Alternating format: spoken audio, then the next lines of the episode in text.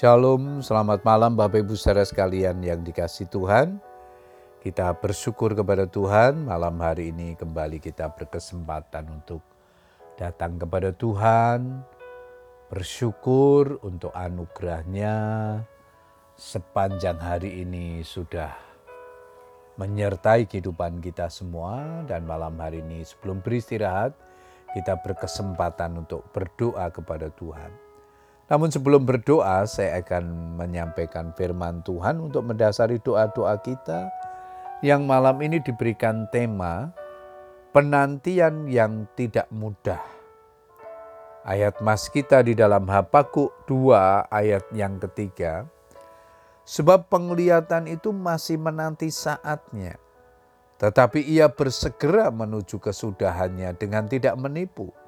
Apabila berlambat-lambat, nantikanlah itu sebab itu sungguh-sungguh akan datang dan tidak akan bertangguh. Bapak Ibu Saudara sekalian, siapa pun orangnya, jika disuruh untuk menantikan sesuatu, bisa jadi muncul perasaan bosan, jenuh, dan tidak sabar. Dalam banyak hal kita maunya serba instan, nggak pakai lama, kita tidak mau menanti, apalagi dalam kurun waktu yang lama, sedangkan mengantri yang cuma membutuhkan waktu beberapa menit saja, kita tidak mau. Bahkan budaya antri belum terbentuk di negeri kita ini.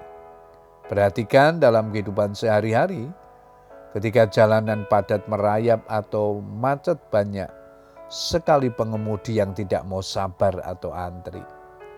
Mereka saling menyerobot, berani melanggar marka jalan dan membunyikan klakson tanpa henti. Di lampu merah sekalipun mereka tidak sabar menanti, meski cuma beberapa menit.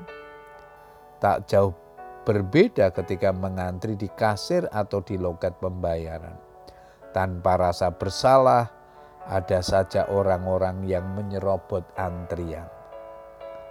Perasaan tidak sabar menanti dan menginginkan sesuatu secara cepat juga pernah terjadi dalam kehidupan Abraham. Ketika berumur 75 tahun, Tuhan berjanji kepada Abraham bahwa ia akan menjadi bangsa yang besar. Coba lihat ke langit, hitunglah bintang-bintang. Jika engkau dapat menghitungnya, demikianlah banyaknya nanti keturunanmu. Kejadian 15 ayat yang kelima. Namun setelah menunggu waktu kurang lebih 10 tahun lamanya, Sarah istrinya belum juga mengandung. Abraham pun menjadi tidak sabar. Akhirnya ia pun mengikuti saran istrinya untuk menghampiri hambanya, yaitu Hagar, yang akhirnya melahirkan seorang anak, yaitu Ismail. Tetapi Ismail bukanlah anak perjanjian, karena kurang sabar menanti janji Tuhan, Abraham mengambil jalan pintas walaupun akhirnya Tuhan menepati janjinya. Sarah mengandung dan melahirkan Ishak baginya sebagai anak perjanjian. Abraham harus menunggu selama 25 tahun. Bapak Ibu Saudara sekalian, Tuhan mengizinkan Abraham menunggu dalam waktu yang cukup lama. Karena ia sedang membentuk dan menguji imannya sampai akhirnya ia layak dan pantas untuk disebut Bapa orang beriman. Puji Tuhan, Bapak Ibu Saudara sekalian, malam hari ini kita diingatkan oleh firman Tuhan, ada kalanya Tuhan izinkan kita menantikan sesuatu menantikan jawaban daripada doa-doa kita. Tuhan bekerja tidak selalu instan. Tuhan bekerja sesuai dengan waktunya. Mari kita belajar sabar menanti pertolongan Tuhan. Karena pertolongannya tidak pernah terlalu cepat dan tidak pernah terlalu lambat. Selamat berdoa dengan keluarga kita.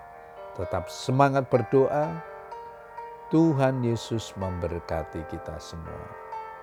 Amin.